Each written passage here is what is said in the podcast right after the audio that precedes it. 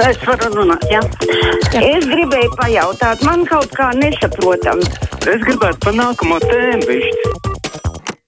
6722, 888, 672, 559, ir tāruņa numurs mūsu studijā. varat mums arī rakstīt, sūtot ziņu no mūsu mājaslapas. Nu, ceļu jau klausuli, brīvais mikrofons. Labdien! Labdien! Viņdien jūs man neļāvāt pabeigt domu. Es runāju par pionieru organizācijas simto gadu dienu. Man nebūtu nav nostalģijas ne pēc padomi laikiem, ne pēc pionieriem bet man ļoti nepatīk, ka Latvijai nozīmīgi notikumi tiek noklusēti un apieti. Ja šodien Latvijai ir pusmiljons apmēram pionieru bijušo, tad par to ir jārunā. Un tie cilvēki, kuri mācīja mums mīlēt Leņinu un šodien māca ievērot Eiropas regulas un demokrātiju, tie ir jānosauc vārdos. Jā, paldies. Ne, tā jau mēs arī sapratām, ka jūs nesat pionieru cienītājs. Tur jau ir viss skaidrs. Jautājums ir tikai, nu, cik daudz atcerēties ir tādi, kuriem šķiet, ka jau nu, pārāk daudz un ka to vēl var uztvert par slavināšanu. Tā kā nu, cilvēku uztveres ir tik dažādas. Klausītājs zvana brīvais mikrofons. Halo! Labdien! Esat ēterā! Sagaidiet, lūdzu! Vai iepriekšējā raidījumā bija kaut kāda runa par e, pastāvīgo iedzīvotāju piesaistīšanu zemes sardzē? Vai par to vispār nav nekādas runas? Nu, runa gan par to nav, jo visiem ir jābūt pilsoņiem Latvijas. Nevar jau piesaistīt savās aizsardzības struktūrās vai iekšlietu struktūrās cilvēku, kur nav pilsoņi. Labdien, brīvais mikrofons! Labdien! Labdien!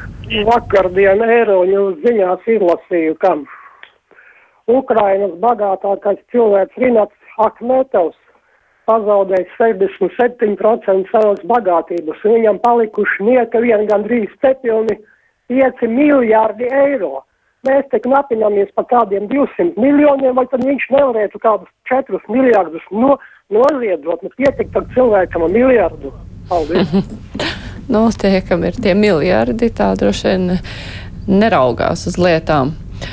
Klausītājs raksta, ka viņam nav, tas, kurš rakstīja mums par to ierindā soļošanu, ka viņam ar fizisko sagatavotību nav nekāda problēma, bet soļošana ierindā un bezjēdzīgu pakāpju apgūšanu gan viņš negribētu. Nu, tur jau ir jāskatās vispār, ko tur mācās. Es nezinu, vai tāda ierindas skate vispār ir aktuāla. Klausītājs zvana, labdien, brīvais mikrofons. Labdien, Gunārs no Rīgas. Tautieši, esiet modri, atcerieties to, kā ir četrus gadus mūs muļķojuši esošie deputāti. Nu, tā kaut kur pazuda.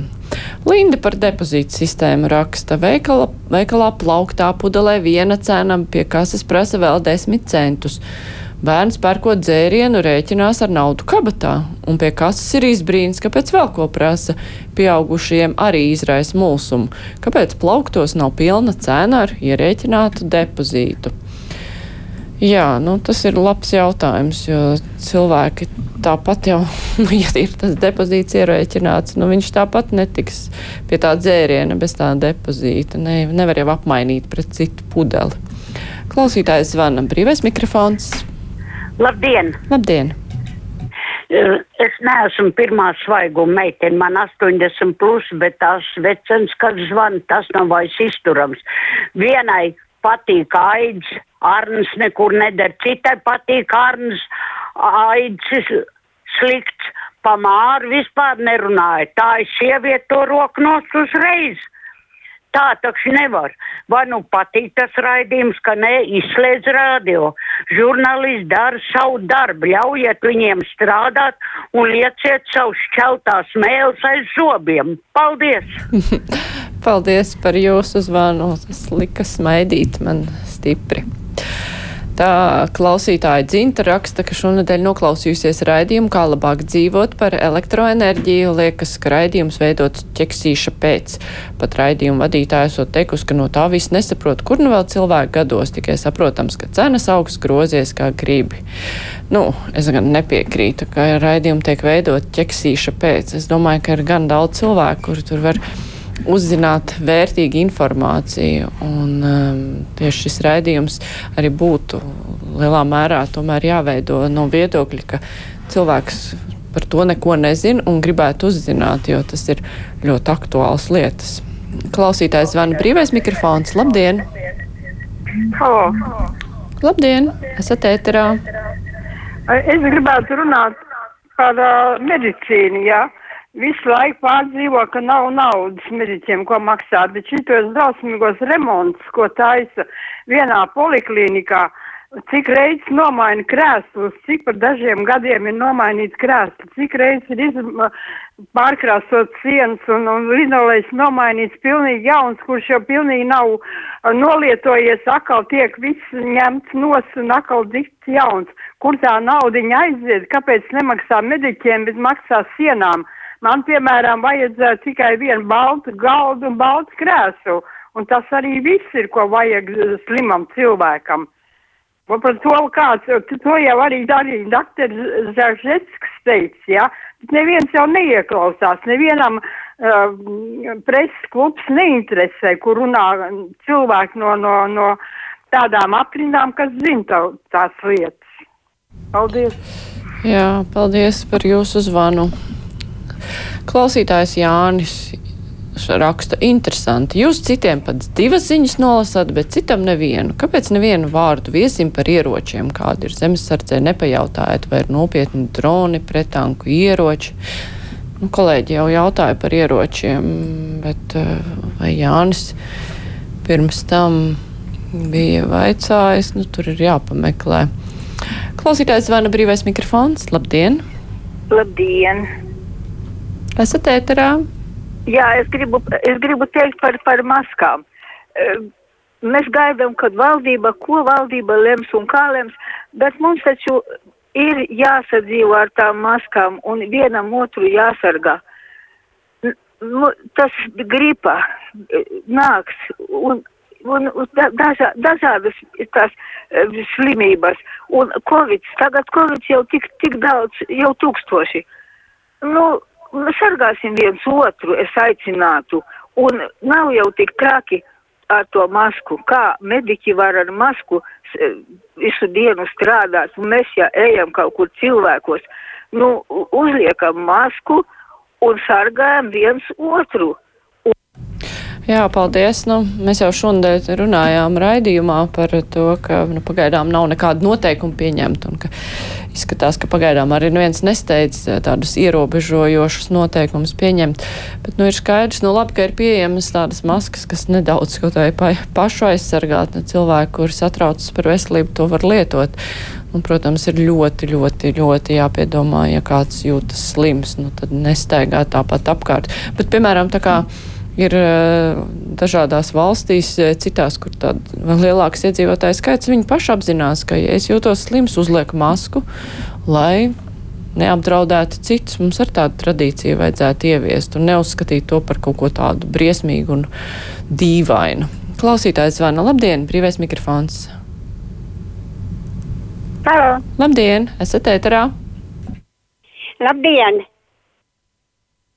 Labdien, esat ēterā, esat ēterā. Jā, cienītā, es gribētu parunāt ar vienu sāpīgu jautājumu. Es biju strādājošais pensionārs, strādāju līdz 2000 gadam. Un pret mums 400 uh, tūkstošiem pensionāriem arī bija sankcijas, kad uh, sa, uh, atņēma pensiju piecus gadus. Sakiet, vai mums kādreiz atmaksās to pensiju? Arī Es zaudēju reizi ārstēšanas rezultātā. Tagad esmu pirmās grupas invalīds. Tagad man atņēma asistentu. Nu, pasakiet, kā lai es dzīvoju, ka no valdības nekādas palīdzības nav. Jā, paldies par jūsu zvanu. Un trakākais ir tas, ka mēs regulāri saņemam šādus zvanus. Un arī tā kā nāk labklājības ministri uz mūsu studiju, tas arī tiek vaicāts. Un, diemžēl nekādu tādu būtisku cerību tā arī cilvēkiem neviens neiedod. Klausītājs zvana. Labdien, brīvais mikrofons! Labdien! Neko nevar dzirdēt.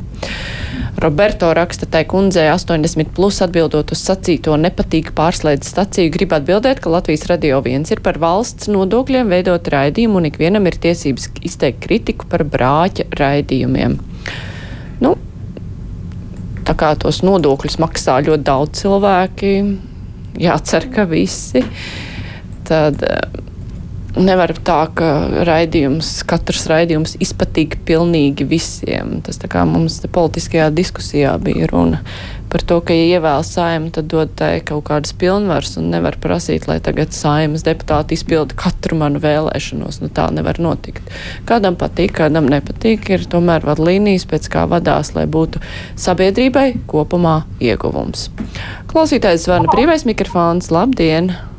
Varu runāt? Jā, lūdzu, esat ēterā. Es gribēju runāt par uh, medicīnas darbinieku streiku. Nu, visi saprotam, algas vajag.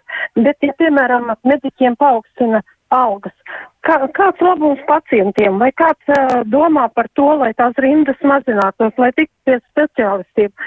Daudziem cilvēkiem izskatās, ja ārsts pieņem četras stundas, uh, speciālists divreiz nedēļā trīs stundas, uh, vai tad Un ko tad pār, vai, vai, vai pārējā laikā kaut kur citur strādās, kad ja nu strādā? Kāpēc mēs necīnās, lai tā veselības aprūpe visumā uzlabotos, lai būtu pieejami tie dakteri, lai būtu izmeklējumi? Nu tā, tāds sāpīgs jautājums ir. Protams, mediķi cīnās par sevi, bet ne jau par saviem pacientiem. Nu, nu, tas jau ir saistītas lietas. Mediķis, nu, viņam ir jāsaņem laba alga, lai viņam ir motivācija strādāt, jo, ja cilvēki ilgstoši strādā par neadekvātu samaksu, nu, viņš vienkārši beigās aiziet prom no darba. Tā kā bez mediķiem nebūs veselības aprūpes. Protams, ir kārtība, kas tur būtu jāievieš, bet, nu, ir vēl daudz darāmā katrā ziņā. Klausītājs zvana. Labdien! Labdien! Esat ēterā? Jā. Saka, es novēroju tādu interesantu novērojumu. Tagad tā viena dieva liela daļa Krievijas uh, esošo šeit cilvēku, kas līdz šim jau tā turējās pret to latviešu valodu, tagad ir atraduši jaunu fasonu, kā nerunāt. Viņam tagad prasa kaut ko, un viņš saka, ņķoņi paņemāju. Tagad es domāju, ka viņi tagad uh, vienu daļu tēlo Ukraiņus, kur tiešām cilvēki nu nemāk to latviešu valodu. Bet tagad Krievi ir iemācījušies vāju. Šitā rēķina tagad var nerunāt un izlikties, ka, ka nesaprot neko. Piemēram, Lidlā.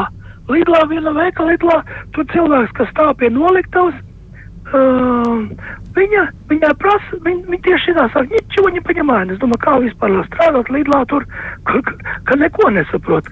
Jā, paldies. Nu, jā, nu, tur ir jāskatās, ir vai nav Ukrainas patiešām, bet nu, šobrīd to grūti ir atšķirt. Paldies, raidījums izskan producente Evi Junām studijā Mārija Ansona. Fakti, viedokļi, idejas. Raidījums Kruspunktā ar izpratni par būtisko.